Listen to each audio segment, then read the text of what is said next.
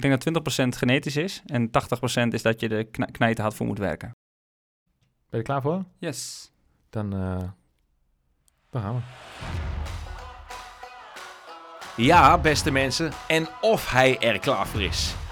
Wat een fantastische gast hebben we vandaag in de podcast. Hij kan zichzelf helemaal naar de get verlopen, zoals hij zelf zegt. En dat is niet zo raar, want hij loopt maar liefst 13 minuten 47 seconden op de 5 kilometer.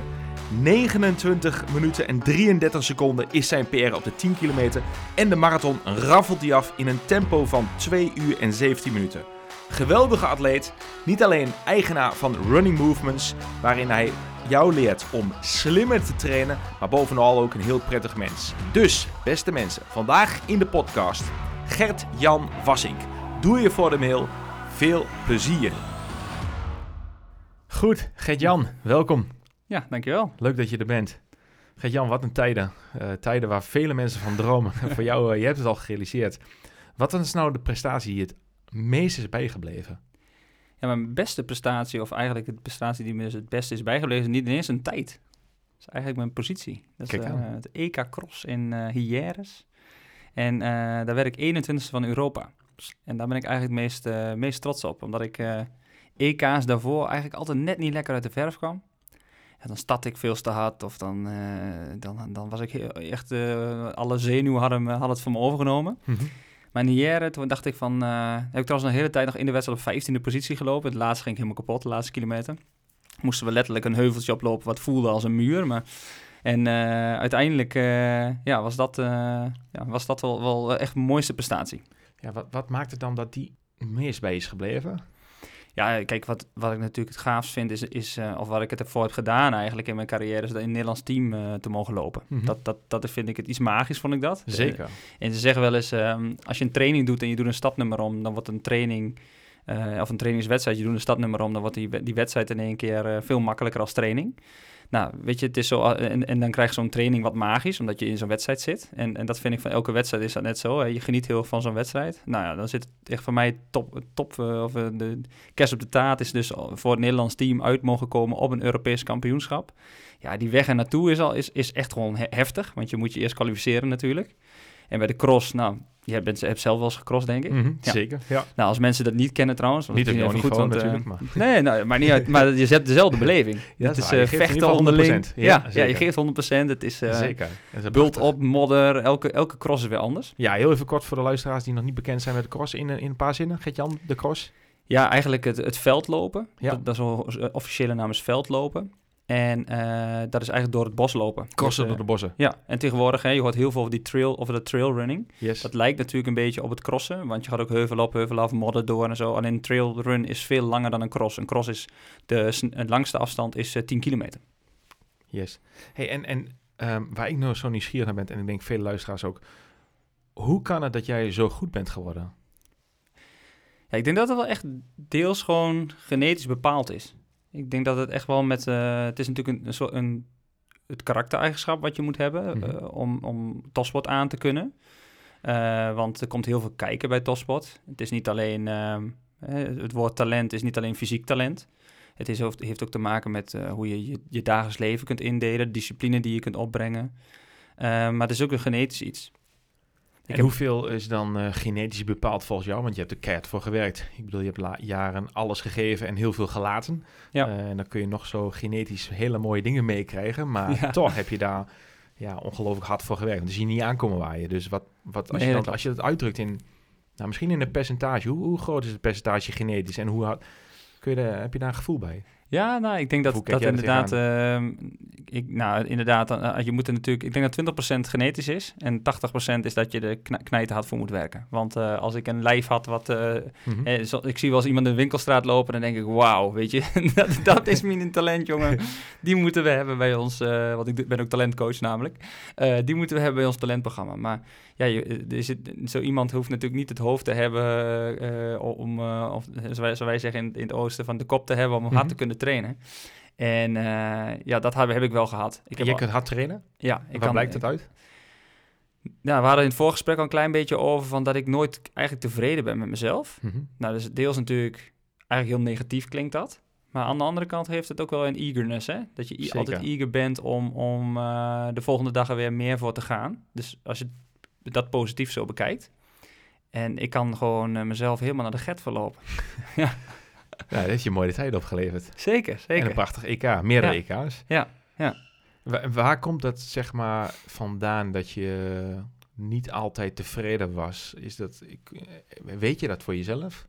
Want niet ja, iedereen ja, dat. Nee, ik, ik, heb zelf, uh, ik heb zelf veel sportpsychologie gehad. Want wat, eigenlijk wat je, wat je raakt een uh, gevoelige snaar. Want het is, we zijn net begonnen, man. het, is, uh, uh, het heeft best, best wel met mijn jeugd te maken. Ik heb mm mijn hele jeugd gedragsproblemen gehad. moeite om überhaupt ook mee te komen op school. Ik, had altijd, ik was snel afgeleid. Ik had heel veel agressie in mijn lichaam. En, en welke leeftijd praat je nu, nu je dit zo... Ja, al vrij vroeg. Dus eigenlijk kun je zeggen tot mijn, tot mijn 15e, 14e... Mhm. dat ik begon met hardlopen ik zeg altijd, hardlopen is mijn redding geweest. Mhm. Eh, want dat heeft ervoor gezorgd dat ik echt mijn energie kwijt kon. Terwijl ik ook wel voetbalde eerder. Maar hardlopen is toch weer heel anders dan, dan voetballen. Maar uh, ja, dat ik niet tevreden ben met mezelf, is, heeft er denk ik daar heel erg mee te maken. Dat ik uh, het altijd daarna goed wilde doen. omdat ik in, in het verleden altijd heel veel werd gezegd van... ja, Gertjan, je... Ja, weet je, ja, je, was nooit het jongetje wat, wat nou heel geliefd was. wie, zei, wie zei dat? Ja, nou ja, iedereen om me heen. En dat begreep ik ook wel. Want ik, ik, ik, sloeg echt letterlijk soms alles kort en klein. En, en waar, maar waar, waar kwam dat vandaan? Weet je dat? Of ja, nou, dat, dat, dat, past wel heel goed in jouw, uh, jouw, het boek wat je geschreven hebt natuurlijk. Ik had een suikerallergie. Mm Of ja, ik noem het een suikerallergie. Ik, het is eigenlijk gewoon dat je door suiker en kleurstof enorm druk werd. Dus eigenlijk mijn hersenen maken daardoor extra stof aan. En daardoor die, werd ik daar gewoon enorm... Uh, had ik mijn agressie dus helemaal niet onder controle. En ja, ik denk ook wel deels wel... Uh, de mensen die mij kennen, die, die, die, die snappen dit, maar ADHD'en. Mm Dus um, ja, die combinatie, uh, kan ik je zeggen, is, is, een, is een, gouden, een gouden boodschap. maar ja, niet in dus, positieve zin. Voor degene die dat nog niet weten, luisteraars... Dat is de titel inderdaad van mijn uh, boek, De Beste Verliezer, een gouden boodschap. Dus uh, dat is waar Gertjan, waar ja, je nu op precies, ja. ja. Ja, dus eigenlijk uh, ja, heeft dat, de opvoeding, of de, je ben, ben je daarin meer in gevormd door een specifiek persoon? Dus het zijn het meerdere mensen geweest die je zo gevormd hebben zoals je, zoals je jezelf nu omschrijft? Ja, nou, ik kijk... Uh, Wordt natuurlijk allemaal gevormd door meerdere mensen. Maar is er één of meerdere mensen die heel erg daar invloed op hebben gehad volgens jou? Bedoel, ja, dat nu... Nou ja, dat meer juist in positieve zin. Ja, ja, ja, dat je... Um, dat je zelf nooit goed genoeg... Dat je nooit tevreden was. Dat je, zelf, dat je je prestatie nooit goed genoeg vond. Want dat vertelde je ons dat je daardoor steeds beter bent geworden. Ja, ja zeker. zeker. Kijk, uh, en dat weet je nu natuurlijk een later in je carrière, weet je dat ook wel om te buigen tot het positieve. Hè, dat dat wel voorop staan. Het is niet zo dat het allemaal kommer en kwel is, dat je alleen maar denkt dat het negatief is. Mm -hmm. nee, maar mijn, mijn ouders hebben wel een in instelling. Uh, en dat komt denk ik uh, aan de kant van mijn, van mijn opa's kant, die uh, van de klandenman kant bij ons. Dat, die heeft een, een bouwbedrijf gehad, is echt ondernemer geweest. Uh, ja, die, die, die zijn altijd hard, hard werken geweest. En aan de andere kant de boerenfamilie, die mhm. ook gewoon... Uh, mijn vader heeft uh, vanaf zijn zestiende zat hij al op de trekker. Of, of nou, jonger zelf, dertiende geloof ik. Ja, die man heeft ook altijd heel zijn leven hard gewerkt. En die zegt ook van, ja, weet je, je moet gewoon hard werken. En als je hard werkt, dan, dan kom je er wel. En, en ik denk dat ook wel... Ik vind het nog steeds een mooie instelling, hoor. Want tegenwoordig vind ik dat mensen wel eens... En met name de talenten waar ik mee werk, wel snel opgeven. Ja, we gaan het zo nog over hebben. Jouw bedrijf Running Movements, spreken we straks ook nog over in het tweede deel. En uh, dat, daar doe je nu op en dat is wel interessant. Daar gaan we zo verder over. Ja, ja, ja precies. Dus ik denk dat, dat dat heel belangrijk is. Wat ik dus heb meegekregen is gewoon... Uh, en ook in positieve zin. Dus hè, gewoon hard, hard willen werken uh, en niet overal altijd tevreden mee zijn. Maar ehm, ja, nu weet ik, durf ik wel wat vaker stil te staan bij mijn mooie prestaties. Nou, jij benoemt het nu. Voor mij, dat geeft mij wel weer eigenlijk een beetje gek gevoel. En denk zelf van ja, op het moment dat ik dat heb, toen heb behaald... En dan wat je 21 van Europa heb ik best wel snel voorbij laten gaan. Ja. Eigenlijk best zonde. Ja, hoort dat van veel topsporters natuurlijk die hele bijzondere prestaties hebben geleverd. Jij bent daar één van.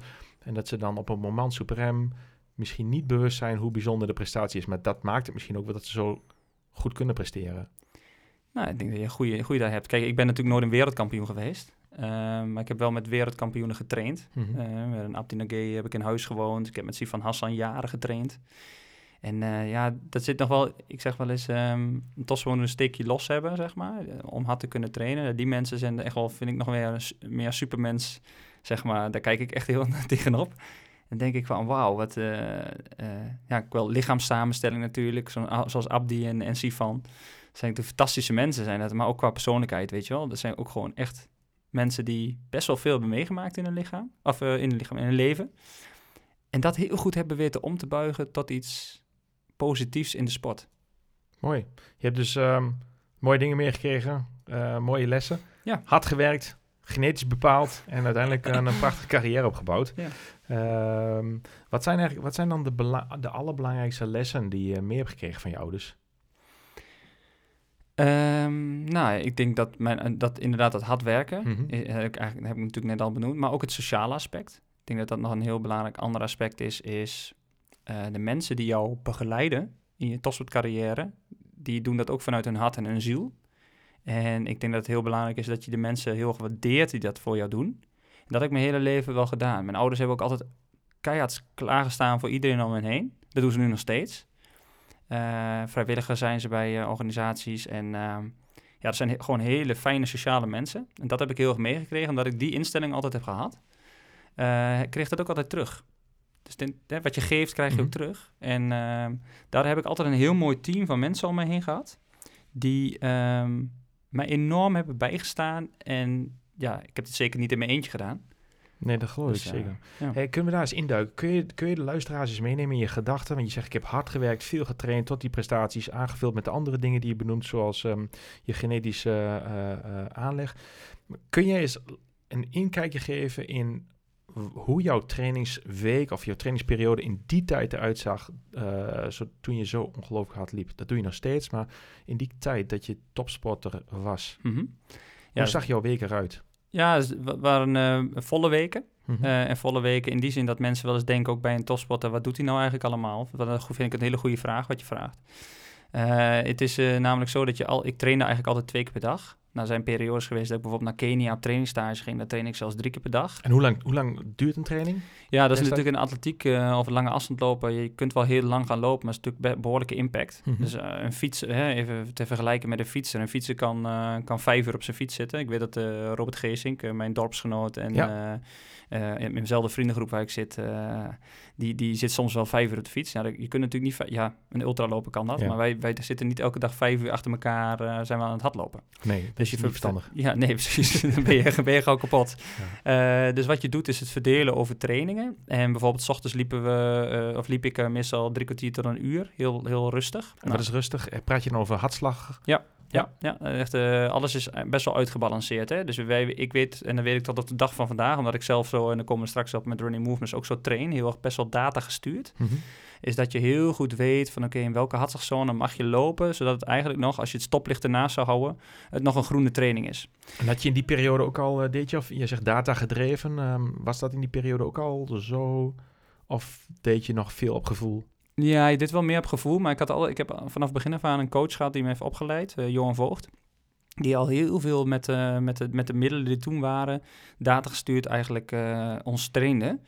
Uh, en daardoor konden we dus ook bijvoorbeeld, uh, dus een tempotraining bijvoorbeeld die we dan in de middag deden. Als we s ochtends een ochtendduurloop hadden gedaan, dan deden we in de middag vaak een tempotraining of een heuveltraining of, of maakt niet uit wat. Voor de, even voor, voor de luisteraar, wat is een heuveltraining? Uh, heuveltraining. Ga je dan echt de heuvels in? Nee, ja, het is meer eigenlijk een, um, een uh, gewoon eigenlijk sprints omhoog, mm-hmm. versnellingen omhoog doen. Dus op een heuvel van bijvoorbeeld een stuk van 200 meter. Ik laat mijn groep bijvoorbeeld nu zelfs een heuvel in Apeldoorn, want in Apeldoorn kan dat, van 600 meter. Ja, mensen, we hebben 600 meter lange heuvels in Apeldoorn.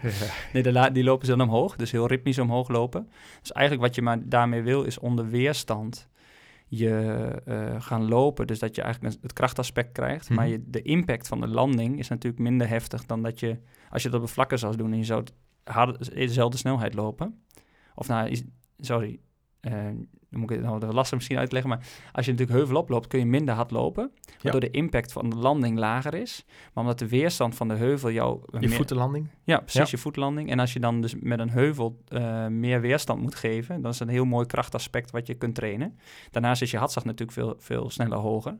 Dus je kunt eigenlijk met minder uh, impact eigenlijk op je lijf, uh, kun je best wel veel, veel bereiken op fysiologisch gebied, want je hartslag is hoger. Uh, maar ja, als je dat op het vlakke zou willen doen, dan moet je veel harder lopen. Dus de impact van de landing natuurlijk ook veel hoger.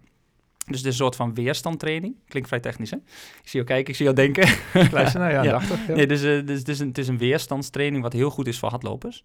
En uh, dat, dat element zit er eigenlijk, zat er eigenlijk altijd wel bij ons in. En wat is altijd? Deed je dat wekelijks of dagelijks? Of? Nee, wekelijks. wekelijks ja. En, ik, ik moet wel eerlijk zeggen, in Apeldoorn is, het, uh, is de omgeving, want ik ben toen van de Achterhoek, uh, dat hebben de mensen denk ik ook al wel gehoord, dat ik uit de Achterhoek kom, ben ik naar Apeldoorn verhuisd vanwege de mhm. atletiek. Dus dat was de enige atletiekschool in Nederland toen de tijd. Toen ben ik dus bij Johan Voogd terechtgekomen.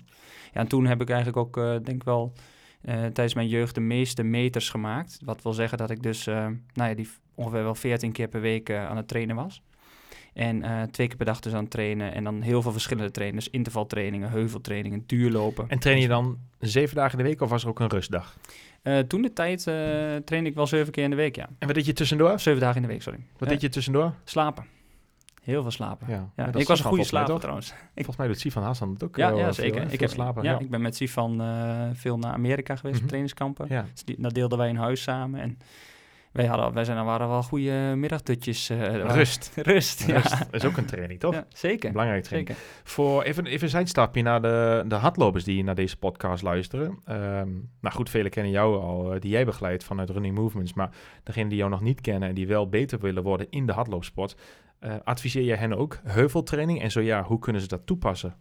Ja, zeker. Ik denk dat een, een belangrijk aspect wat uh, de meeste lange afstandlopers uh, vergeten. Hè, want dat de meeste lopers... Wat is, wat is, een lange afstand? Ja, is eigenlijk, wij, wij noemen in de atletiek eigenlijk al vanaf uh, 1500 meter of 800 meter, dat is middenlang. Maar van, laat ik zo zeggen, bij de recreatieve lopers vanaf 5000 meter ben je eigenlijk al een lange afstandloper. Precies, ja. En um, ja, ik, ik zou zeker een, een soort van versnellingstraining, want dat is vaak hetgene wat ze juist niet trainen in de week dat is wel met periodes heel mooi om, uh, om eraan toe te voegen aan je trainingssituatie.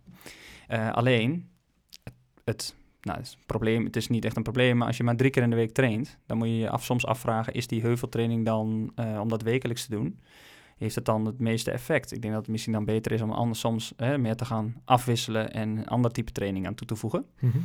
Maar die heuveltraining kan, of die sprinttraining. Hè. Het kan een hele goede training zijn voor een recreatieve loper om juist die snelle spierwezel aan te spreken. Mhm. En eigenlijk het verhaal wat ik net vertelde, als je een heuvel hebt, kun je minder hard omhoog. Dus de impact van de landing ook minder heftig. Dus het is natuurlijk wel een krachtaspect, maar het is niet zo belastend soms. Hè? Voor blessurepreventie? Ja, dat is een stukje blessurepreventie. Ja, aan de andere kant is een heuvel natuurlijk wel weer pittig. Dus je moet niet te, te knijten hard omhoog lopen.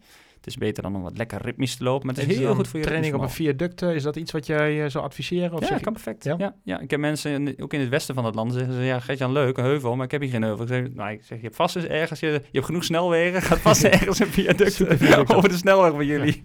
ja. Hoe vaak uh, doen jullie zelf uh, heuveltraining nu nog met, jou, met jouw groepen? Met je recreatieve groepen?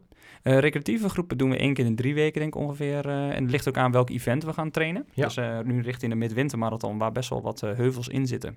Ja, zeker in Apeldoorn. Ja, in Apeldoorn. Ja. Trainen we wel, uh, doen we ook heuveltraining. Uh, mijn topsportgroep, mijn talentgroep van Running Movements, die, uh, ja, die, die doen elke wekelijks heuveltraining.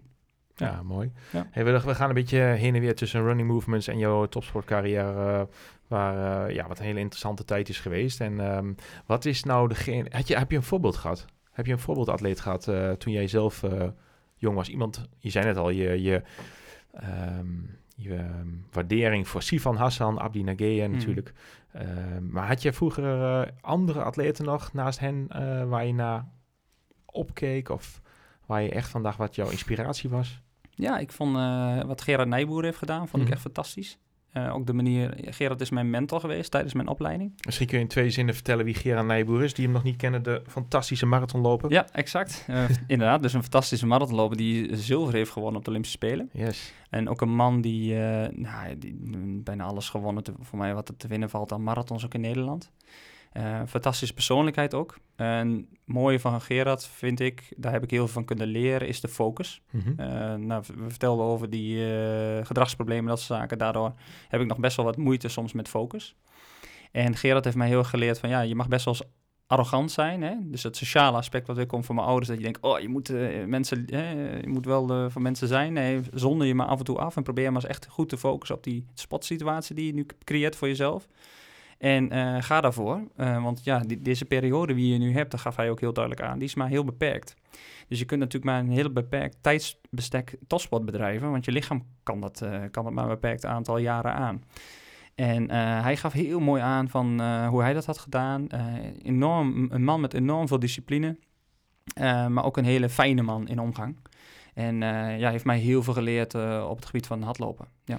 Als je praat over uh, focus, je hebt natuurlijk een enorme uh, grote groep mensen in Nederland die op dit moment uh, als doel heeft of als droom heeft om een marathon te lopen of een halve marathon. Ja. Of misschien een vijf of een tien kilometer. Ehm, hoe sta je daar dan in? Je hebt veel geleerd over focus. Is het, is het lekker ontspannen aan zo'n wedstrijd beginnen?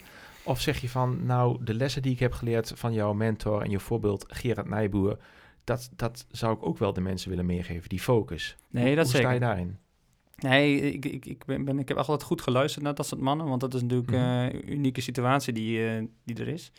En ik, ik geef, draag dat ook zeker wel over aan mijn, uh, aan mijn recreatieve lopers die ik begeleid, maar ook aan mijn topspotters natuurlijk. Kijk, het allerbelangrijkste is ook dat je moet kijken naar de situatie van die persoon. Als, die, als je een, een fulltime baan hebt, dan ehm, is het veel meer het lopen heeft een andere betekenis dan dat talent wat gewoon nog naar school gaat en heel veel tijd in zijn carrière kunt stoppen. Mhm. Dus ligt de focus ligt ook wel anders.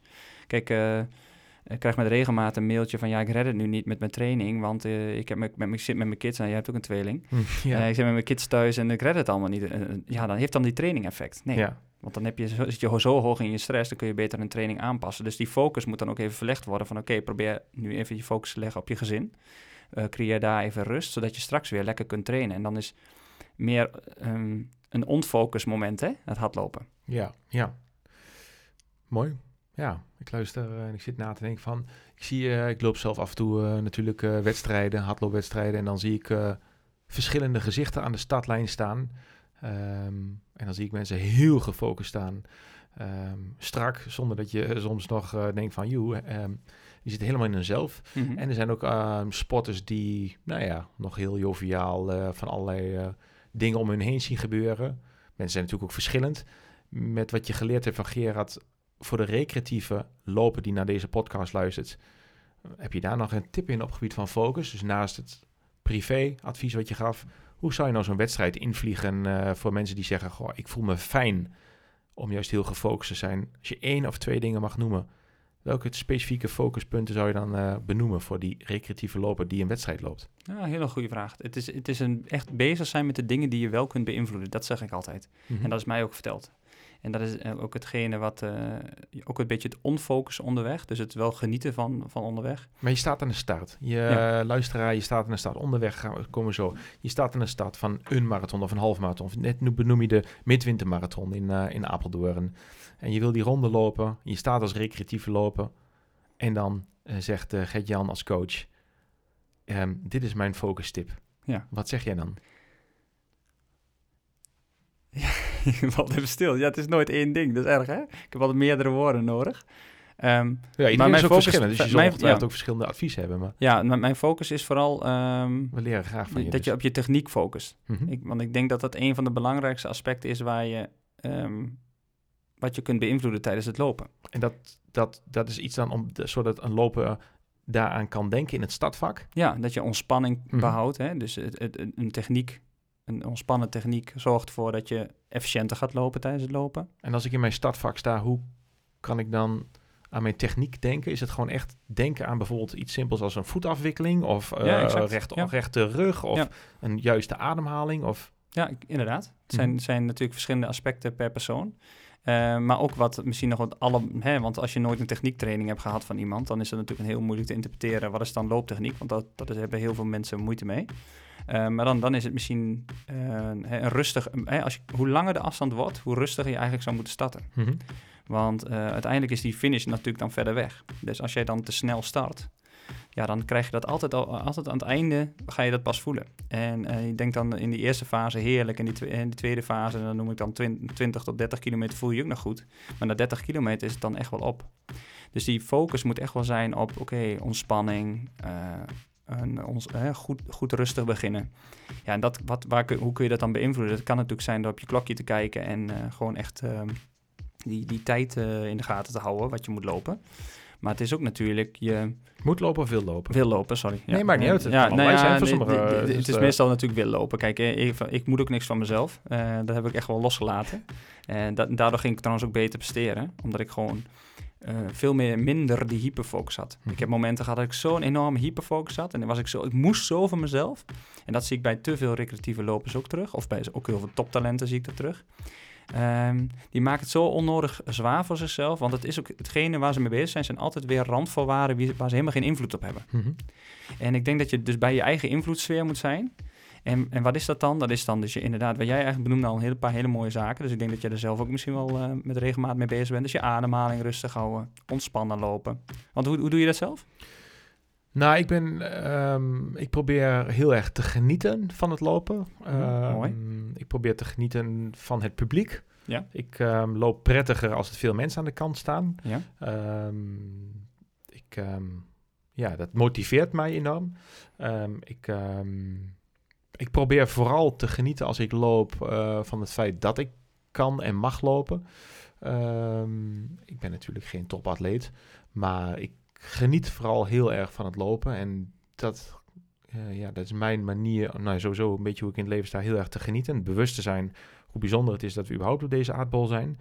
Um, ja, dus ik, ik probeer vooral heel erg te genieten en ik sta altijd heel ontspannen in. Volgens mij sta ik op de meeste foto's uh, van de wedstrijd ook. Uh, ja, vaak wel met een, dat je ziet dat ik plezier heb. En, maar goed, dat doet iedereen op zijn eigen manier. Want ik kan me voorstellen, ik bedoel, Gert-Jan, jij liep in 2012 alweer, zo lang geleden, tien jaar geleden, liep jij een 10 kilometer 29, 27 in Utrecht. Ja, ja dat is... Uh, um, ja, dat, dat is natuurlijk een bizar hoge snelheid. Ehm, ja, dan sta je niet te lachen uh, naar de mensen in het publiek. Dus dat is, ja, een toch, andere... toch uh, vergeet je wel hoeveel... Want jij zei het net, hè? Ik ben geen topspotter. Ik, ik geniet, en, maar ik ben geen topspotter. Maar, maar ook, ook, wij genieten, hè?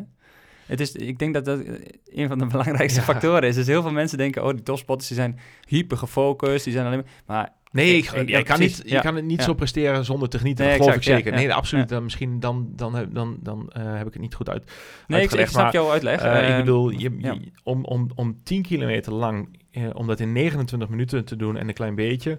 Ja, dat, dat vraagt het absoluut maximale van, mij, nee, van, je, van jouw lichaam. en, en dan moet je, dan geef je alles en dan heb je verbeterd, verbeterd kop. Ja, uh, dus dan, uh, dan, ja, dan sta je iets anders in dan, dan dat ik erin sta als, als een recreant natuurlijk. Nee, maar dat begint natuurlijk ook met het eind voor ogen. Hè? Hoe, hoe, begin je, hoe begin je aan je wedstrijd? Dus dat, inderdaad, kijk, als jij ehm, een marathon wil uitlopen, even, mm -hmm. we hadden het over, vaak over die marathon, maar inderdaad met een 10 kilometer geldt het net zo. Als je een 10 kilometer wil uitlopen, of je wil een 10 kilometer een bepaalde tijd lopen. Dan als je, als je een bepaalde tijd wil lopen. Of bij ons was toen toevallig trouwens het Nederlands kampioenschap. Daar werd ik tweede op het NK. Achter Abdi Nageye met een, met, uh, een seconde. Daar kun je een heel mooi verhaal van vertellen. Maar, ja, brand los. Nou ja, het was, het was nou, inderdaad. Dus die, die, ik zat super, super lekker in die wedstrijd. En ik heb in die wedstrijd echt enorm veel kopwerk verricht. En Abdi heeft de hele wedstrijd achter mij gehangen. En uh, was de finish was de Malibaan in Utrecht. En uh, het laatste uh, paar honderd meter sprintte ik recht op, een, uh, op de finish af. Mm -hmm. En na 50 meter voor de finish staat een official die, die, mij, die mij aan de kant stuurt, een andere kant op stuurt, dat ik om hem heen moest aan de andere zijkant. En Abdi, klein mannetje, trrrt, die ging zo links van mij. dacht ik, shit. Toen, en toen had hij net een kleine voorsprong en we waren aan het sprinten met elkaar. Nou ja, hij, hij, hij won met mij met een, met een seconde op een 10 kilometer. Uh, er wordt niet in honderdste uitgedrukt. Dus het was echt een fotofinish. Dus Close call. Ja, was echt balen. Oh. Maar een paar maanden daarvoor hadden we exact hetzelfde de 5 kilometer. Had ik met Abdi. Had ik met een, een honderdste verloor ik van Abdi, werd ik ook tweede. Dus uh, Abdi en ik uh, waren en toen trainingsmaatjes en uh, behoorlijk aan elkaar gewaagd. Toen nog wel. Inmiddels heeft hij een zilveren medaille op de Olympische Spelen. kan ik alleen maar van dromen. um, Maar dat waren wel hele mooie momenten in mijn carrière. Ja, ja, geloof ik. Is dat, is dat als je, als je, na, als je jezelf de vraag stelt van welke prestatie zou je nog eens één keer willen halen, is het dan dat ene EK waar we het eerder over spraken, of zijn dat dat soort momenten? Die, of is het dit moment wat je nu beschrijft, of omdat je deze specifiek naar voren haalt? Ja, dat zijn wel momenten inderdaad dat je denkt van, uh, weet je, ik baal ervan dat ik, uh, ik ben als, tijdens mijn scholieren tijd ben ik twee keer Nederlands kampioen geworden voor de scholieren. Nou, dat deden best wel veel hardlopers aan mee. En uh, daar was ik natuurlijk heel trots op. Maar ik ben maar één keer Nederlands kampioen geworden in mijn carrière op, een, uh, op, mm -hmm. een, op de 3000 meter indoor. Ja. Uh, was ook goed, gewoon een goed sterk bezette wedstrijd. Alleen, ik heb, ik heb denk ik wel, ik heb ze niet geteld, maar ik denk dat ik iets van 7, 8 zilveren medailles heb. En er zijn heel veel zilveren medailles op de manier zoals ik je net vertelde. Terwijl ik wel, mm -hmm. ik heb altijd geleerd, finish is over de finish. En dat, dat, is een goede uitspraak, hè? ja, ja, ja. En, en, dat, dat, heeft mijn alle, allereerste coach bij AV Argo, zei dat altijd tegen mij. En dat is misschien jullie mooie bidon, uh, is daar mhm. handig voor. Dat als mensen, ik pak hem in mijn handen, zien mensen natuurlijk niet nu. Maar eh, dat, dat ik de bidon altijd over de finish neerzette op de atletiekbaan.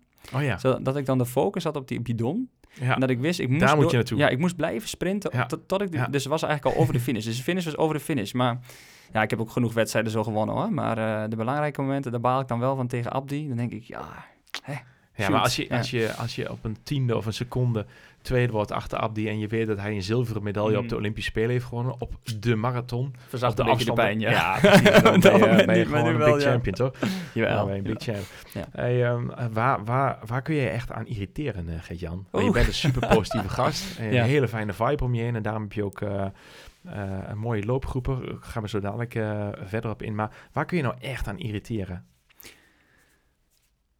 Ja, ik vind, ik vind het heel vervelend als mensen niet eerlijk zijn. Dat vind ik, kan ik echt uh, heel, heel slecht tegen. Als mensen achter je rug uh, dingen doen. Dat uh, heb ik in het verleden een paar keer ook zakelijk meegemaakt. jongen, dat ben ik echt wit heet. ben ik echt, echt... Dan kun je, Wat doe je, je dan? Wat gebeurt er dan? Ja, meestal ga ik gewoon lekker een stukje lopen. dan ren ik het eruit. Maar ga je dan de confrontatie aan, dan zeg je van, oeh, ik moet even weglopen, stoom afblazen Ja, nee, precies. Dat heb ik van vroeger geleerd. Hè. Vroeger, vroeger klapte ik erop en uh, tegenwoordig ben ik iets, iets wijzer en ouder dat ik denk van, oké, ik moet even een stapje terug. En inderdaad, en dat stapje terug. En dat, dat, dat is sowieso mooi, hè. Ik ga met regelmaat, uh, uh, ga ik er met een gestrekt been in en ben ik super enthousiast. En dat geldt met alles, hè. Dat is ook de positieve kant. Mm -hmm. Maar negatieve is dat je soms in de situatie zit en dan niet meer goed kunt overzien. Dus dat stapje terug, dat is eigenlijk met al die situaties is dat even belangrijk. En, uh, maar ik, het niet eerlijk zijn uh, over zaken, dat, uh, ja, dat kan ik gewoon nooit waarderen. Ik bedoel, ik, ik, ik ben heel erg open. Soms een beetje te open misschien, want daardoor... Uh, ja, ga je misschien... Staat dat? Nou ja, dan loop je zelf wel eens voorbij. Dat hm. denk ik eerder. Ja. misschien meer voor, je, voor jezelf als persoon, maar -hmm. misschien voor de ander niet zo inderdaad. Want die weet precies, mensen weten precies wat ze aan mij hebben. -hmm. Uh, ik draai nooit om de zaken heen. Ik ben gewoon heel helder daarin. Wat, wat, hebben, mensen, wat, wat, wat hebben mensen aan jou? Wat, wat is voor jou de belangrijkste, ja, zeg maar, wat is voor jou de belangrijkste waarde in jouw leven? Waar mensen wat aan hebben? Um, dat ik echt wel voor de, men, voor de anderen wil zorgen. Dus uh, als iemand bij mij komt trainen, hmm. dan wil ik ook echt die goede coach zijn die voor die persoon zorgt. Ja, dat kan natuurlijk maar een bepaald, in, ons, in het businessmodel wat wij hebben, kan natuurlijk op een bepaalde manier. Want we doen training en coaching op afstand, hè, heel veel, data gestuurd coachen.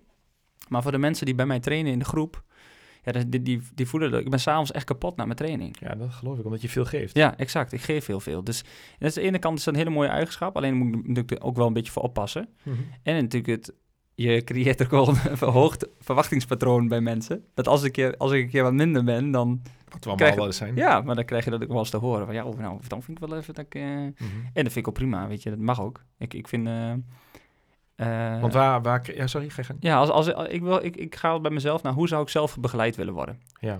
En dan wil je ook gewoon graag dat de mensen er voor jou zijn. En welke vaardigheden krijg je de meeste complimenten over als trainer? Als ik nou in jouw loopgroep ga en ik zeg van... wat is nou de vaardigheid waar je Gert-Jan de meeste complimenten voor geeft?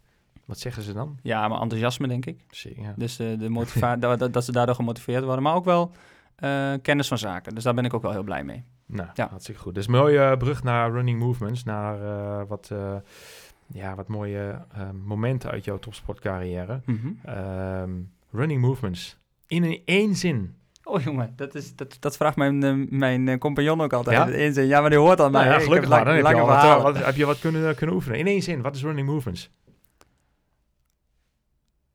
Ja, wij training en coaching bieden we aan. En eigenlijk willen we dat elke training een schot in de roos wordt. Nou, dat is een mooie zin toch? Ja? Oké. Oké, we voegen daar wat zin aan toe. Je geeft lessen uh, inmiddels aan uh, veel uh, enthousiaste recreatieve lopers. Daar neem, neem je hele ervaring mee van je topsportcarrière en je enthousiasme. En een mooie, ja, jouw jeugdherinneringen en alles wat je daarin hebt meegekregen van jou. Dus um, wat, wat, doet Running Movements? ja, je geeft trainingen, maar... Um, geef je dat een acht man of 800 of uh, verdeelt het land of uh, in de Achthoek? Ja. Vertel. Nou ja, online? Ja, on, inderdaad. We hebben eigenlijk verschillende pijlers, uh, mm -hmm. zo noemen wij dat. Eén daarvan is het online gebeuren. daar zijn we toen gestart omdat er eigenlijk vrij weinig werd aangeboden. We zijn ook al best wel in dat op, op, op zich ook al wel een van de oudste partijen, denk ik, in Nederland die dat, die dat doen. Ehm, en wij bieden online coaching aan, online training en coaching. Wat wil zeggen dat we altijd feedback geven op elke training die de loper doet. En we bieden altijd een training op maat aan. Dus een, een trainingsschema ook op maat. Maar ook de trainingen dus. Jij, stel, hè, jij wil uh, voor die marathon gaan trainen. Mhm. Of uh, je wil voor een 10 kilometer gaan trainen, moet je natuurlijk anders trainen. Yes. En er zijn honderden schema's op internet waar je uh, hartstikke goed mee uit de voeten kan. Hè. Laat dat voorop staan. echt niet verkeerd.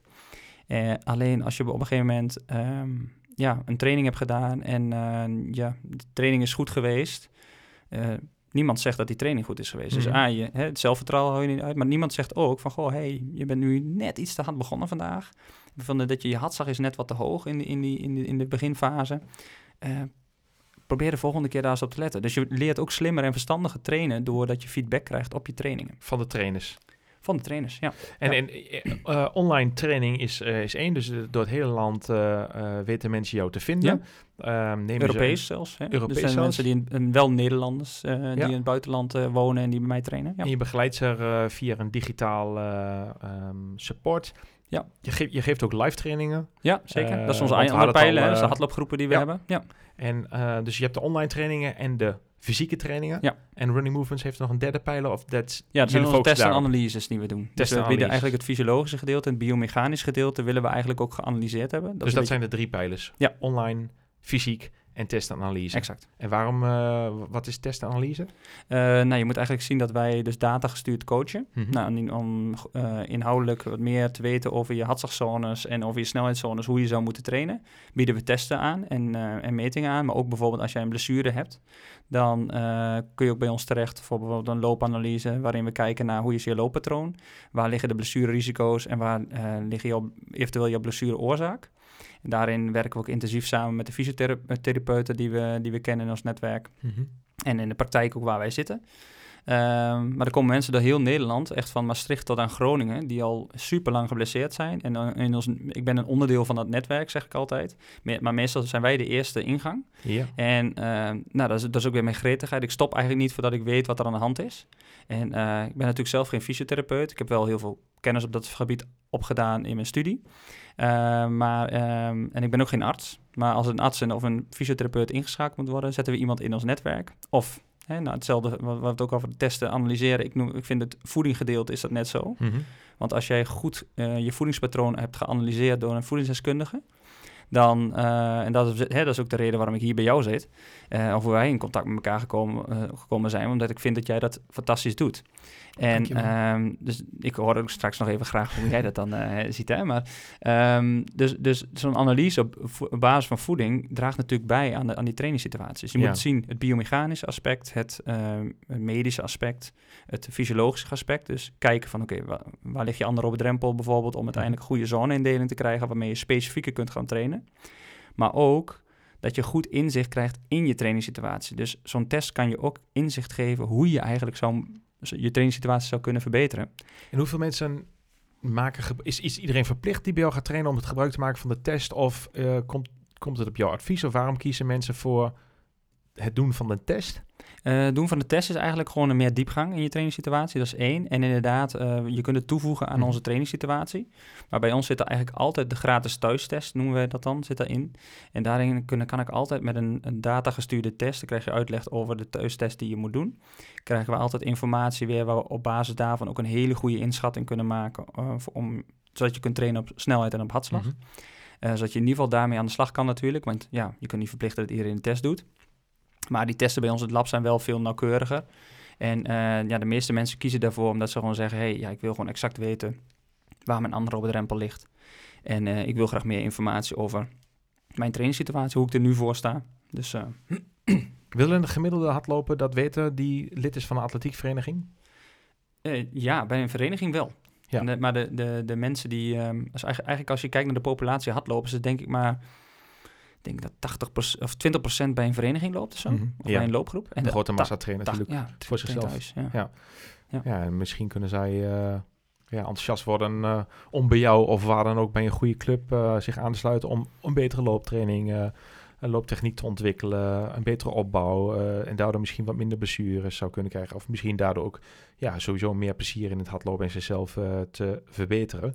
Nee, maar um, dat is, daar wil ik nog even op inhaken. Ik denk dat het heel goed is inderdaad. Kijk, of ze nou bij ons komen trainen of bij een vereniging, je mag ervan uitgaan dat als je bij een vereniging traint in Nederland, ik leidt heel veel trainers mhm. ook op tegenwoordig, dat daar een, dat er mensen langs de kant staan die verstand hebben van het hardlopen. Ja. En uh, je wil niet weten, hoe, de, wij hardlopers, want jij mm. valt er ook onder, zijn kampioen in blessures. Ja, ja zijn toch ergens allemaal kampioen in. Ja. Uh, dus, um, maar dat, dat is heel belangrijk. En dat is, hoe, hoe mooi is het dat er een coach voor jou langs de kant staat, die jou helpt om uiteindelijk je, je hobby op een verantwoorde manier te kunnen, kunnen uitoefenen. En ik snap nooit zo heel goed waarom mensen zich niet aansluiten bij dan die vereniging die in het dorp er is, want of in de stad is. Want daar zijn de mensen, die zijn, hè, mensen moeten zijn ook opgeleid daartoe. En uh, het geeft je echt veel meer dan dat je misschien in je eentje zou gaan lopen. Ja, misschien ga je het pas zien zoals Cruijff het zei. Hè? Je gaat het pas zien als je het door hebt. Mooie uitspraak van hem, niet van mij natuurlijk, maar van hem. En hm. ik denk dat veel mensen ook... Ja, hardlopen is natuurlijk laagdrempelig. Uh, we zijn allemaal druk op onze eigen manier in deze tijd. Uh, je kunt schoenen aantrekken, een t-shirt, een broek en rennen maar. En je bent binnen no time weer thuis. Um, ja. en ja, je gaat pas doorhebben als je of geconfronteerd bent met blessure of je hebt je bepaalde grenzen uh, bereikt voor jezelf. Je komt niet meer verder. Dan zou dat een reden kunnen zijn om een atletiekvereniging op te zoeken. Of mhm. een specialist zoals jullie, een andere specialist.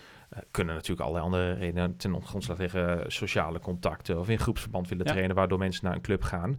Um, maar er zijn natuurlijk heel veel mensen die voor zichzelf trainen en daar uh, zich helemaal, ja, helemaal oké mee zijn. Totdat ze misschien nou ja, uh, meer behoefte hebben aan wat dan ook. Sociale contacten of trainingsbegeleiding, blessurepreventie. En dan weten ze hem vaak, ja, jullie denk ik wel te vinden. Nee, zeker. en het is natuurlijk hartstikke mooi ook. Hè? Kijk, als jij het heer, wat je zegt, dat, dat is het heerlijke van hardlopen. Mm. Ik ben laatst nog een paar keer weer nog weer op de fiets gestapt denk ik, eh, man, eh, dat duurt al veel langer. Ja, je moet net lang doen. Een banden nog oppompen, weet ik veel wat allemaal. ja, ook dat. En, ook, en, en, en lopen, gaan een uur hardlopen. En je bent, uh, ja, je, je, hebt je hoofd leeg, je hebt goede conditie opgebouwd. Uh, of bij, je hebt bijgedragen aan je verbetering van je, van je conditie. En een uur fietsen, dat is vergelijkbaar met een uur hardlopen natuurlijk een stuk minder. Dat wil niet zeggen dat het dan niet goed is. Maar als je klein beetje competitief ingesteld bent, dan is een uur hardlopen. Uh, ja, is een uur hardlopen kun je heel veel, uh, kun je heel veel bereiken. Dus uh, ja, zeker. hoe groot zijn je trainingsgroepen? ja, we groeien aardig hard. Dus, Hoeveel zitten in een groep? we zitten nu ongeveer op 35 man bij onze ene groep. En er zit nog weer 35 man bij de andere. Dus kun je dan nog de kwaliteit bieden? Met ja, ja, ja, we zitten nu wel met... we gaan wel extra trainers ook bij onze groep aantrekken. We zijn, ik, ik doe bijvoorbeeld op de woensdagavond geef ik samen met mijn uh, coach uh, Walter, die uh, doet de beginners, zeg maar. Nou, die staat hartsikke goed in. En waar trainen jullie voor de luisteraar? In Apeldoorn. In yes. Apeldoorn trainen wij. En waar ja. is het in Apeldoorn voor de mensen die je willen vinden? vanaf het FSG-terrein. Mm -hmm. is ook eigenlijk aan de snelweg. Dus, dus, ook als je iets... Er zijn ook mensen die komen uit Leuzen, dus speciaal voor ons bijvoorbeeld om te trainen. Uh, of, of iets verder van Apeldoorn vandaan. Die komen dan speciaal voor ons. Uh, uh, ja. En wat zeggen deze mensen die helemaal uit Leusden naar jullie komen in Apeldoorn? Ja, dat is één. Hè. Ja, dat is één iemand. Die, sorry. Ja, die, ja die, die, die komt speciaal inderdaad omdat we gewoon veel meer, wat meer diepgang in de training hebben, vindt hij. Wat, wat, wat, is dan die diepgang? nou, iets gericht te trainen. Mm -hmm. wat, wat hij bij een vereniging miste. Dus het is wat meer dus dat, het zoneverhaal trainen. iets meer ehm, fysiologische achtergrond. Dat, we, dat, dat er meer taakgericht wordt getraind dat er wat meer verteld wordt waarom je de training doet. En uh, ja, dat, dat vinden wij heel belangrijk. Als je, als je wat doet, en, en dan, dan willen we graag dat je dat goed doet. Die, die, die, die, mhm. term van elke training een schot in de roos. Kijk, als jij drie keer in de week traint, of als je zeven keer in de week traint. Kijk, als je zeven keer in de week traint, is die ene, die ene training heeft minder effect uh, op je training dan die drie keer in de week. Heeft die ene training heel veel effect op ja, van twee naar drie is een grote stap. Exact. Dus, uh, en daarom is die ene training zo belangrijk. Dat je die goed inkadert, dat je goed op je techniek let. Dus we hebben al die aspecten wat je net verdoende, die pijlers. Uh, de, en de trainbare eigenschappen die nodig zijn om uiteindelijk een goede hardlopers te zijn, mm -hmm. die hebben we verwerkt in onze trainingen. Hey, en als luisteraars, uh, de meeste luisteraars komen niet bij jou uit de buurt. Um, simpelweg omdat niet iedereen in Apeldoorn woont in Nederland. Uh, oh. Dus, uh, ja. nee, gekheid. Maar dan gaan ze jou wellicht wel interessant vinden en denken ze, hey, ik zou er wel wat meer over willen weten. Ik wil wel wat van Gert-Jan en zijn team leren. Dan weten ze je online te vinden. Wat zijn dan de drie dingen als ik bij jou online een schema krijg, je noemde net al, ik ga dan op maat aan de slag. Je noemde net al iets over je trainingscentrum. Uh, wat zijn dan de drie dingen die mensen leren als ze lid worden van jouw online running movements omgeving? Ja, nou, aller, allerbelangrijkste vind ik dat je uh, op een verantwoordere manier leert hardlopen. Dus dat is punt één. Dat is één. Dus je leert eigenlijk... Uh, wat is verantwoord hardlopen? Exact. Je leert eigenlijk slimmer en verstandiger je training indelen. Mm Je leert om een training dus eigenlijk beter te lezen. Je weet eigenlijk de, hoe je de, de fysiologische systemen zeg, zeg, maar werken. Dus waarom je iets doet, hè, waarom je die training dan doet. En hoe leer je dat? Krijg je, moet je lezen of krijg je video's te zien? Nee. Of uh, moet je blogartikelen lezen of krijg je tips of worden ze gebeld? Ja, nee, uh, nee je, we, proberen eigenlijk dat zoveel mogelijk door middel van feedback te doen. Dus mm we hebben eigenlijk het slim en verstandig trainen, wat we dan heel belangrijk vinden. We vinden het belangrijk dat je goed je training leert in te delen. Want uiteindelijk, de meeste mensen die bij ons komen trainen, die trainen bijvoorbeeld naar een, naar een wedstrijd toe. En we vinden het dus heel belangrijk dat je, dat je door, de, door te trainen ook slimmer je, je training leert opbouwen, maar ook dan vervolgens je wedstrijd slimmer leert opbouwen. Um, ja, en daarnaast dat je echt goed met die verschillende energiesystemen leert omgaan. Dus je, je, je krijgt meer inzicht eigenlijk in het mm zonneverhaal. Maar dat geeft dus ook aan van hoe je beter met je eigen batterij om kan gaan. Hè? Waarom doe je nou die langzame, rustige duurloop? Waarom moet het dan zo langzaam en rustig zijn? Daar is er de reden natuurlijk achter. Mhm. En waarom zou je dat tussengebied, dat aerobe vermogen, nou zo goed moeten ontwikkelen of anaerobe moeten trainen? En dat proberen we wel over te brengen. En wat is het derde punt? Waardoor uh, wat mensen van je leren tijdens de online training? Nou ja, ik, ik denk dat, dat, eigenlijk zit het er wel een beetje verpakt in die, in die zaken. Je hebt, um, ja, het, het, uh, ja, ik vind dat lastig in mijn drie dingen te zeggen, maar het is... Uh, ik mogen bij twee blijven, maar... Ja, maar het is inderdaad, het is, het is vooral dat opbouwen van, van, van goed van je trainen, slimmer en leren trainen. Helder. Uh, en, en ik denk dat je, uh, wat we proberen ook nog toe te voegen, is hè, die trainbare eigenschappen, dat je bijvoorbeeld nog werkt aan je mobiliteit en je kracht. Dat soort zaken proberen we wel op te pakken. Ja. Mooi, mooi, mooi. Ja. Dus mensen worden echt beter bij jou als ze bij jou gaan trainen. Ja, dat hopen we wel. We hebben wel... Heb je wat mooie... Ja. Uh, dat is wel grappig. Ik kreeg een tijdje geleden, ik heb dat uh, voor de podcast met je gedeeld. Hè? Ik kreeg een mailtje van, ja. Um, ja. een e-mail van een, uh, een sporter die jij traint. Die ben je begeleid naar de marathon. En deze sporter gebruikt de producten van, van Sportvoeding Webshop. En ik mailde hem en um, nou, ik zei... Um, hij wilde nog wat verbeteringen, wilde nog sneller. En toen zei ik van, nou, kan je een tip geven? Zoek een goede trainer. Uh, niet punt, geen komma, maar gewoon punt. En hij mailde mij terug en zei, ja, ik heb een goede trainer. En toevallig ken je die ook, Jan. Dat is geen Jan Wassink. Oh, wat leuk. En uh, dus hij was heel erg enthousiast over je. Um, wat, wat, ja, mijn vraag is eigenlijk, hoe, hoeveel beter wordt iemand en natuurlijk verschilt het afhankelijk hoe lang je al traint. Maar hmm. kun je daar misschien iets over zeggen? Hoe, hoeveel beter wordt iemand als ze bij jou trainen? Naast het feit dat je ja, gewoon een leuke fan bent en heel veel positieve vibe hebt en mensen het ook plezierig vinden betrainen bij jou. Als we kijken naar de prestatiekant, hoeveel uh, beter worden we als we bij jou gaan trainen? Dat is een hele moeilijke. Hè? Dus het is, uh, en ik zeg ook nooit van mezelf, ik vind het lastig om te zeggen. Uh, en daarom heel veel recreatieve lopers weten ons te vinden. Maar ik denk wel, ja, soms denk, ah, sommige atleten zou ik wel graag willen trainen. Die weten ons dan niet zo goed te vinden. Um, omdat ik ook niet zo vooraan sta om te zeggen van ik, ik ben de beste trainer of zo. En dat ben ik ook niet. Uh, omdat, ik, omdat je natuurlijk als trainer, dat zijn mijn assistent van de week, als trainer ben je nooit, en die man is 73, als trainer ben je nooit klaar met leren. Uh, dus, maar ja, waarom, waar worden mensen al beter van? Kijk, allereerst is het gewoon wat meer structuur brengen in je trainingssituatie. Nou, daar heb je net uh, benoemde, benoemde het hè, van, van als jij gewoon zelf al um, uh, gewoon de, de, je schoenen aantrekt en je gaat lopen, dan, ja, dan, dan is het zo dat je uiteindelijk wel wat bereikt. Hè? Want je wordt fitter en dat is altijd beter dan niks doen. Maar er zit niet echt een taak achter of zo. Er zit niet echt een achterliggende gedachte achter. Vaak lopen de mensen ook nog veel te hard hè, in een duurlopen. Dus die gaan ook nog... Elke training wordt een wedstrijd. En te nou, hard bedoel je waarschijnlijk mee voor de luisteraars. Uh, want er zijn veel luisteraars, denk ik, die ook te hard trainen. Ik heb dat in het verleden ook gedaan. Mhm. Te hard bedoel je mee dat sporters trainen op een te hoge hartslag voor een te lange tijd. Exact. Dus je hartslag gaat dan inderdaad... En dan wordt het al bijna anaeroop. En anaeroop betekent zonder zuurstof lopen. En als mhm. je zonder zuurstof loopt, heel makkelijk gezegd, ga je dus al veel meer melkzuur aanmaken. En als je, dat, als, als je zo traint, train je echt wel meer in het rood. In de verzuring. In de verzuring. En ben je gewoon, uh, heb je gewoon veel lange hersteltijd nodig van je training. Dus de continuering in training is daar ook minder. En de kans op blessure is ook veel meer aanwezig. Dus waar worden mensen beter van? A, allereerst gewoon eens goed, kijken naar je eigen trainingssituatie. Of dat kijken wij naar. Oké, wie hebben we ons voor ons? Hebben we die persoon? Daarom vragen we een uitgebreid intakeformulier in te vullen. Van, is dit de persoon die, uh, die uh, vijf keer in de week tijd heeft om te trainen? Of heb je gewoon een fulltime baan en uh, is drie keer al heel veel? Dus dat één. Nou, dan brengen we wat structuur in naar, naar, naar wat die persoon eigenlijk zou willen. Dus is het een marathon lopen of je wilt diegene voor de vijf kilometer lopen? En op basis daarvan gaan we eigenlijk een specifiek hardloopschema inplannen. Mm op de fysiologische systemen die die persoon zou moeten ontwikkelen. En uh, dat is natuurlijk heel belangrijk, want je moet uh, uh, de juiste systemen, als je dus minder tijd hebt ook om te trainen, moet je natuurlijk de juiste systemen ook, hè, die, die, die training moet dus een schot in de roos zijn.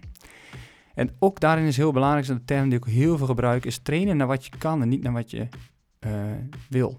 En hoe, hoe, doe je, hoe doe je dat? Nou, door eigenlijk gewoon, uh, wat we heel belangrijk vinden, is dat iedereen na hun training feedback geeft op hun training. Mhm. Dus eh, als er, als er geen feedback bij een training staat, is de data heel moeilijk te analyseren. Want ging het dan fantastisch? En zie je alles dat alles in het groen is, maar... Uh, en traint dan ook iedereen bij jullie met een hartslagmeter? Ja. Ja. ja. Iedereen traint met een hartslagmeter en, en, en een goede, goede, goed horloge met GPS. Ja, dus dat is wel een van de voorwaarden. Is dus niet voor iedereen toegankelijk misschien, hè? Dat, dat realiseer ik mij ook. Ehm, maar wel vinden wij de beste manier van trainen. Ehm, en daardoor kunnen we dus heel gericht eigenlijk de data die uit het horloge komt van die persoon, die traint op zijn specifieke hartslagzones, kunnen we uitlezen en kunnen we dus heel goed interpreteren op afstand.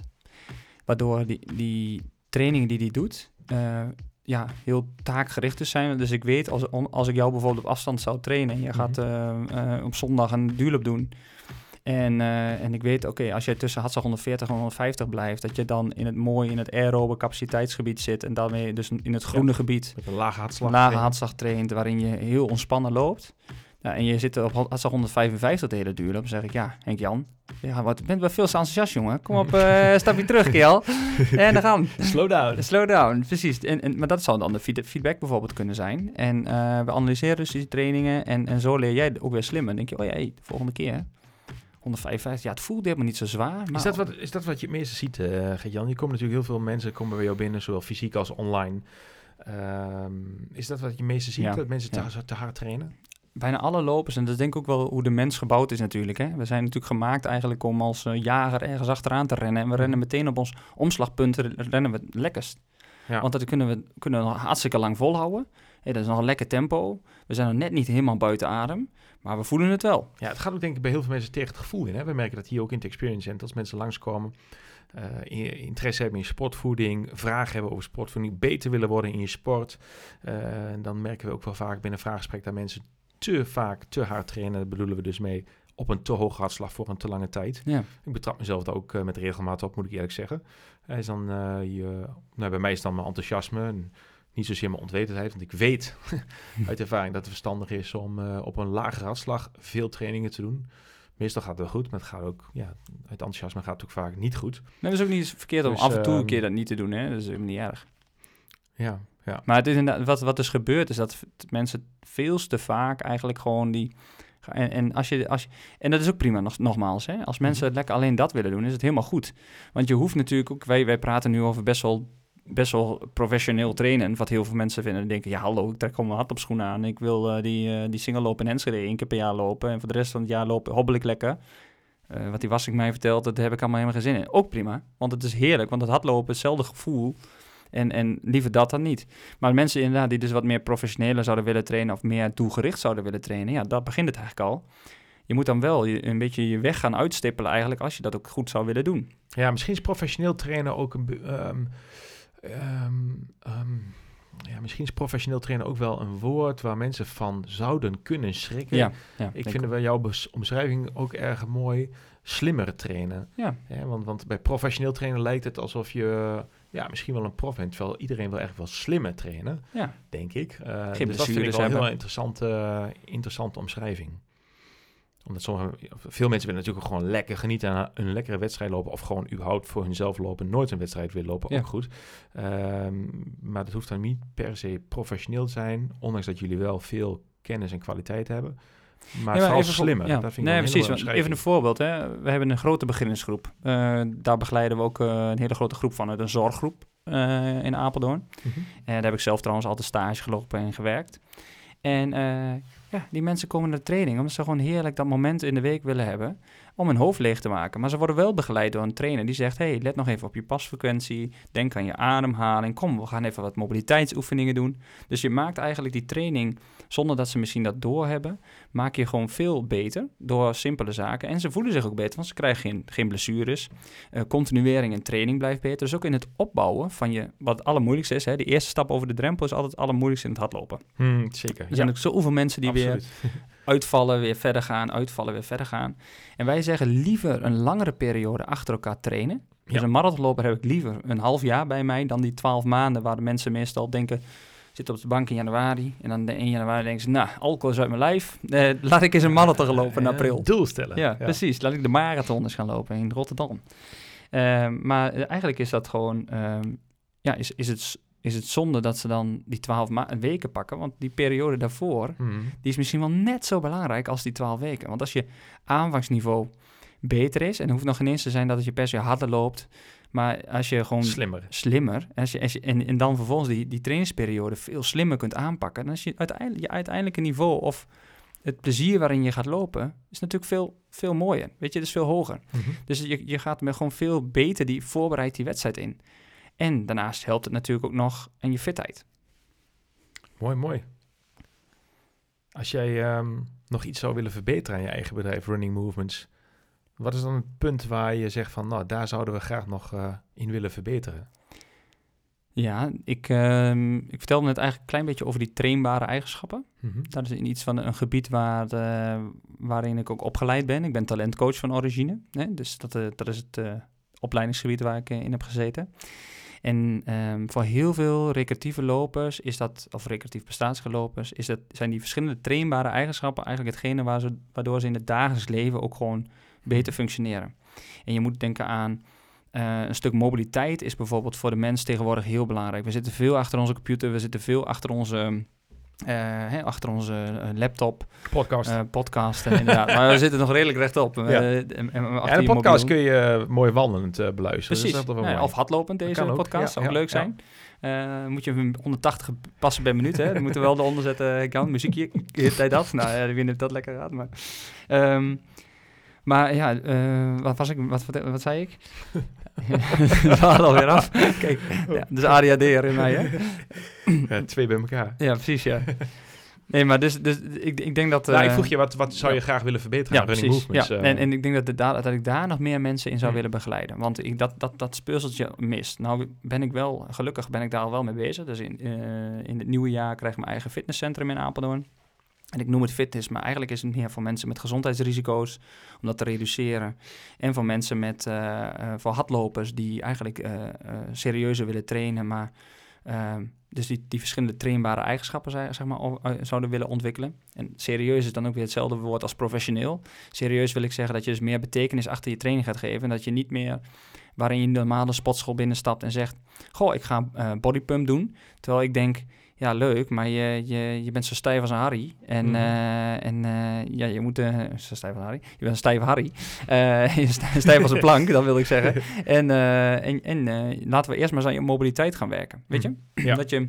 Dat die trainer ook aan jou vertelt van... hé, hey, maar dat is veel belangrijker voor jou. slimme trainen. Slimme trainen. En, en, het hoeft al, en dat is hartstikke leuk laat dat voorop staan. We doen met mhm. heel veel plezier, hè? want we hebben nu over heel veel zaken. Maar plezier blijft daar het allerbelangrijkste, de drive. Ja, absoluut. Ja, dus, dus dat is... Uh, ja, ja, dat is belangrijk om ja. fun te hebben. Ja, absoluut, absoluut. Ja, toch? um, ja, we gaan al bijna naar het einde van de podcast. We zitten al bijna op het uur. De tijd gaat snel. Ja, super snel. En um, um, stel dat je geen running movements bedrijf zou hebben en je zou 10 miljoen krijgen en je zou daarvoor een bedrijf mogen oprichten. Wat voor bedrijf zou dat zijn en wat zou je willen bijdragen met dat bedrijf? Ja, dan blijf ik toch in, echt wel in het uh, in mensen trainen op een beter gezondheidsniveau. Mm -hmm. Dus waar dat slimme trainen heeft daar eigenlijk... En waarom vind je dat zo belangrijk? Ik heb met heel veel mensen gewerkt die uh, enorm ziek waren. Dus ik heb met mensen met niet aangeboren hersenletsel gewerkt. Ik heb met mensen met dementerende ouderen gewerkt. En ik, ik, kom ook oorspronkelijk uit de zorg. Ik ben pedagogisch hulpverlener van origine. Mhm. En ehm, ja, ik vind dat heel mooi. En zo ben ik ook opgevoed. Hè? Dus gaan we even helemaal terug naar het allereerste begin. Mijn, mijn, mijn opa en oma hebben mij als klein jongetje meegenomen naar de, naar de instelling waar dementerende ouderen wonen. En dan mocht ik met hun mee de koffie uitdelen en de mensen naar de kerk brengen. En dat heeft mij zoveel, het, zoveel uh, met zoveel bewondering heb ik naar mijn opa en oma gekeken, hoe zij dat deden. En toen dacht ik, ja, dit is toch fantastisch als je zoiets kan terugdoen voor, voor de ander, voor andere mensen. Zij kende ook iedereen in het dorp, dus dat, gaf heel veel, dat was natuurlijk heel mooi voor hun. Uh, dat zij ze op die manier ook wat terug konden doen. Het gaf, naast dat het hun zelf een goed gevoel gaf, was het, die mensen leefden helemaal op. dat is ook de reden waarom ik uiteindelijk in de zorg ben terechtgekomen. En ik vind dat echt, echt iets heel moois. Ik, bedoel, eh, ik ben, ik ben hartstikke fit. Ik, ben, uh, ik, ben, ik heb heel veel energie. Nou, ik, ga, ik draag dat graag over naar iemand anders. En dat ik hè, dat zorgen voor iemand anders. Nou, dat doe ik eigenlijk door middel van training en coaching. Uh, als je me die 10 miljoen geeft, dan ga ik een mooie gezondheidsinstelling oprichten. Mooi. Waar we mensen ook misschien wel gratis laten spotten, het liefst. Dat je echt kan werken aan je, aan je gezondheid. Want voor heel veel mensen is dat ook niet vanzelfsprekend, hè? Nee, zeker niet. Zeker niet. niet iedereen gegeven. Je kan er heel veel van doen, maar we hebben niet alles in de hand. Nee absoluut. Uh, ik heb nog een paar kleine dingetjes. Eén, ehm, we, zaten voor te spreken met, elkaar uh, toen we nog niet op de recordknop hadden gedrukt. En toen uh, zei je van, goh, in het oosten van het land worden eigenlijk niet zo heel veel podcasts opgenomen. Ehm, het worden er meer opgenomen in het westen van het land. Dus zei je van, we mogen in het oosten best wel ja, trots zijn op, op, op het oosten. Um, kun je dat nader specificeren? Hoe bedoel je dat? Nou, het heeft ook eigenlijk wel te maken met toen ik hier bij jou binnenkwam. Mhm. Als ik hier om me heen kijk, we zitten heel mooi in, uh, in de ruimte bij jullie. Ja, joh, man, moet je kijken wat je hebt opgericht. Hè? Een fantastisch bedrijf. Wij verwijzen ook veel mensen naar jullie door, omdat je gewoon, jij ook eigenlijk vanuit kennisdeling en niet vanuit arrogantie. Dus soms, soms vind ik het dat er wat soms wat meer de arrogantie, of de arrogantie te hoog is in, in het verkopen van een product of een. Mhm. Terwijl ik denk van ja, als je gewoon uh, normaal doet, dan, dan is dat goed genoeg. En dan, dan mensen raken dan ook wel overtuigd van hetgene wat je doet. En dat, dat proef ik heel erg bij jullie ook. Van oké, je hebt kennis. En door, door middel van die kennis ontwikkel je producten. En met, met, dit, met, met dat product wil je ook mensen echt beter maken. Hè? Dus dat, dat beter worden, wat jullie ook veel zeggen. Ja, ja goed. Dat, is mooi. Dat je beter kunt zijn. Ja. En dat op een nuchtere manier. En ja, en dat is, dat is echt wel het oosten van het land. En ik denk ook dat dat heel, eh, ik vind dat ook heel belangrijk. Ik bedoel, uh, waarom zou je je beter voordoen dan je bent? Mm en dan, want dan komt je, achtervolgt je toch altijd uiteindelijk weer. Hè? Want dan heb je zelf, een beetje jezelf een paar stappen te ver, te ver voor. maar ik denk dat, dat, dat, dat, daarom misschien wij ook niet zoveel van die podcasts opnemen. Omdat wij misschien wat bescheidener zijn en niet zo graag vertellen over hetgene ja, dan niet... gaan we nu verandering brengen. Ja, heel, ja, zijn heel veel podcasts opnemen. Nee, precies. Maar dat, dat, is, dat is prachtig. En ik denk dat ook gewoon... Um, hoe het Westen een beetje naar het Oosten kijkt. Uh, ik hoorde laatst iemand zei, zeggen, dat vind ik altijd zo grappig dan, hè? Oh, woon je in Apeldoorn? Oh, dan woon je in het Oosten. Denk, nou, ik, ik, ik rijd naar mijn vriendin toe in Enschede. Het is toch nog wel een uurtje rijden, zeg ik dan. Uh. Oh, oh, echt? Oh, echt? Daar hebben ze geen flauw benul van. Dus um, heel veel mensen weten helemaal niet wat voor moois hier uh, voorbij Apeldoorn en hier in het oosten, we zitten nu mooi in Zenderen, gebeurt. Um, maar we mogen wel wat trotser op onszelf zijn. Ja, en, dat is onze uh, kracht misschien. Uh, we zijn heel nuchter, denk ik. En ja. zijn wij zelf ook, uh, dankjewel. Ja, ja, allebei even iets moois. West, Oost, Noord, Zuid. Maar ehm, ik snap wat je bedoelt. We zijn, nou ja, denk ik... We, we, doen het goed. Ja, denk ik ook. Met z'n allen. Um, maar we, we, zijn ook wel gewoon nuchtere tukkers. Dus ehm, ja, je bent wie je bent. En Oké, mooi, mooi. Ja. Ehm, als, um, ja, als afsluiting, uh, bijna als afsluiting, uh, wat in de podcast um, wil je nog uh, ja. herhalen, rechtzetten, op terugkomen, Oeh. verbeteren of toevoegen? Toevoegen. Mijn afsluitende vraag aan jou. Ja. Nou, we hebben al echt al heel veel besproken. Ik denk, wat ik, wat ik nog heel erg leuk... Hè, jij, jij, jij sprak zelf over je plezier en je, en je focus. Um, kijk, jij, jij bent wel iemand die wel... Um, misschien gaat het rateltje soms snel in je hoofd, maar je denkt, je denkt wel na over dingen. En, en, en soms doe je dingen impulsief, maar ik denk dat je ook heel veel juist dingen gedegen doet. Ja. Um, want wat, jij, wat is jouw drive om, dan, om, dat, om, om je hè, van spotvoeding webshop? Wat, hoe, hoe, zou je, hoe zie je dat in de toekomst? Nou, um, ik wil eigenlijk de afsluitende vraag aan jou stellen, maar jij paast me terug. Ja, sorry. Ja, ja maar ik heb, heel, ik heb al heel veel over mezelf verteld namelijk. En jij, uh... nee, maar jij bent ook de gast, hè? Uh, maar goed, ik kan wel iets kort antwoorden voor je. Weet je, ik, ik ben gestart als voedingskundige en um, ik, nee, ik werkte met, met prachtige atleten die ik mocht begeleiden. En uh, vanuit de topsport. En toen ben ik gevraagd om bij recreatieve clubs en teams eens iets te vertellen over... Goh, Jan, hoe, hoe gebruiken die topsporters dan hun voeding? En wat, uh, wat gebruiken ze dan en hoe worden ze dan beter? En is dat ook iets voor mij? En zo ben ik begonnen op avonden uh, te gaan vertellen. Bij clubs, bij verenigingen mm -hmm. uh, of bij bedrijven die sportieve uitjes gingen doen. En daar ben ik over gaan vertellen in eigen tijd. Ik werkte destijds al voor andere bedrijven, grote internationale sportvoedingsbedrijven. Ja, en dan gaandeweg kwam ik er erg achter dat ik dacht van, goh, ik, um, ik kan dat ook. Um, en um, voor mij is de mens staat op één, heel belangrijk. Uh, en met de mens bedoel ik mee. Uh, volgens mij is het niet zo moeilijk om uh, mensen iets te geven waar ze. Je moet gewoon goed luisteren en, en vragen waar ze behoefte aan hebben. Dus toen ben ik uiteindelijk voor mezelf gestart. En dat heb ik op hetzelfde moment gedaan. dat heb ik natuurlijk niet zelf gedaan, maar samen met Gert. Ja, waar we met z'n twee eigenaar van zijn van Sport van de Webshop. En op een dag zaten Gert en ik bij elkaar en zeiden we: Goh, we willen een ja, we willen sporters beter maken in hun sport en gezonder maken in hun dagelijks leven. Dat is uh, Sportvoeding Webshop. Mensen beter maken in hun sport en de beste verliezen. Mijn boek. Uh, mensen een bijdrage leveren aan een gezonder leven. Ja. En dat is wat, uh, ja, wat mij drijft. Sporters helpen in hun sport. Ik geloof dat goede voeding daar heel erg helpt. Zowel sportvoeding, ik noem het ook wel eens functionele voeding, als ook goede basisvoeding. Ja. Dat is nog een hele andere podcast, maar er valt nog een wereld in ja. te winnen. Want mensen heel veel mensen eten. Daar gaan jullie natuurlijk heel veel over praten. Hè? Ja. Dus, ga je, dus na deze podcast komen natuurlijk nog heel veel andere daar over die weer interessant. Ja, dat gaan, gaan we nog mooie podcast uh, over opnemen. Dus dat is ook een heel uh, interessant onderdeel. En uh, ja, wij, wij, vinden het leuk om, om, om mensen te supporten bij ja, toch wel hele gave dingen die ze meemaken in het leven. Sportiviteit, mooie doelen. Nou, jij doet het op jouw manier, op trainingstechnisch gebied. Wij doen het op het gebied van voeding vooral.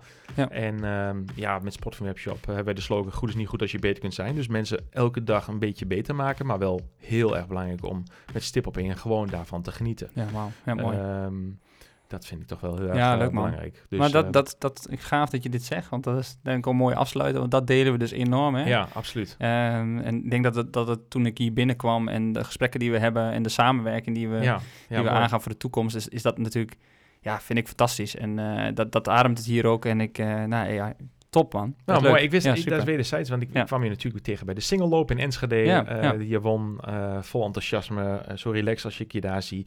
Ik kwam je tegen bij de Rijse Bergloop, waar we het gesprek hadden gehad. Um, ja, dat is gewoon de vibe onder sport is, is, is prachtig. dus en ik vond het heel erg mooi om een inkijkje te krijgen vandaag in jouw topsportcarrière beetje een blik op je jeugd natuurlijk ook te werpen, die, ja. uh, die dat je gevormd heeft tot, uh, nou ja, tot waar je nu staat. Heel erg mooi.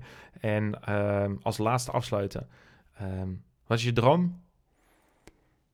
Mijn droom is ehm, ja, om die mensen echt beter te maken, uh, die hardlopers beter te maken laat, en echt enorm te laten genieten van het hardlopen. Ja. Hartstikke mooi, dankjewel. Beste luisteraars, dit was een hele gaaf podcast met Gert-Jan Wassink.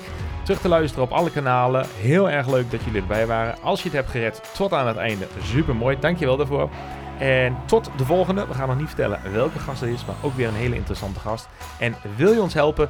Deel deze podcast. Stuur hem gewoon even door via WhatsApp of welke manier dan ook. Uh, Google, Podcast, Apple, waar je hem ook allemaal vindt. Stuur even naar iemand en dan help jij het hardloopvirus uh, op een hele gezonde manier te spreiden. Gert-Jan bedankt en luisteraars tot de volgende.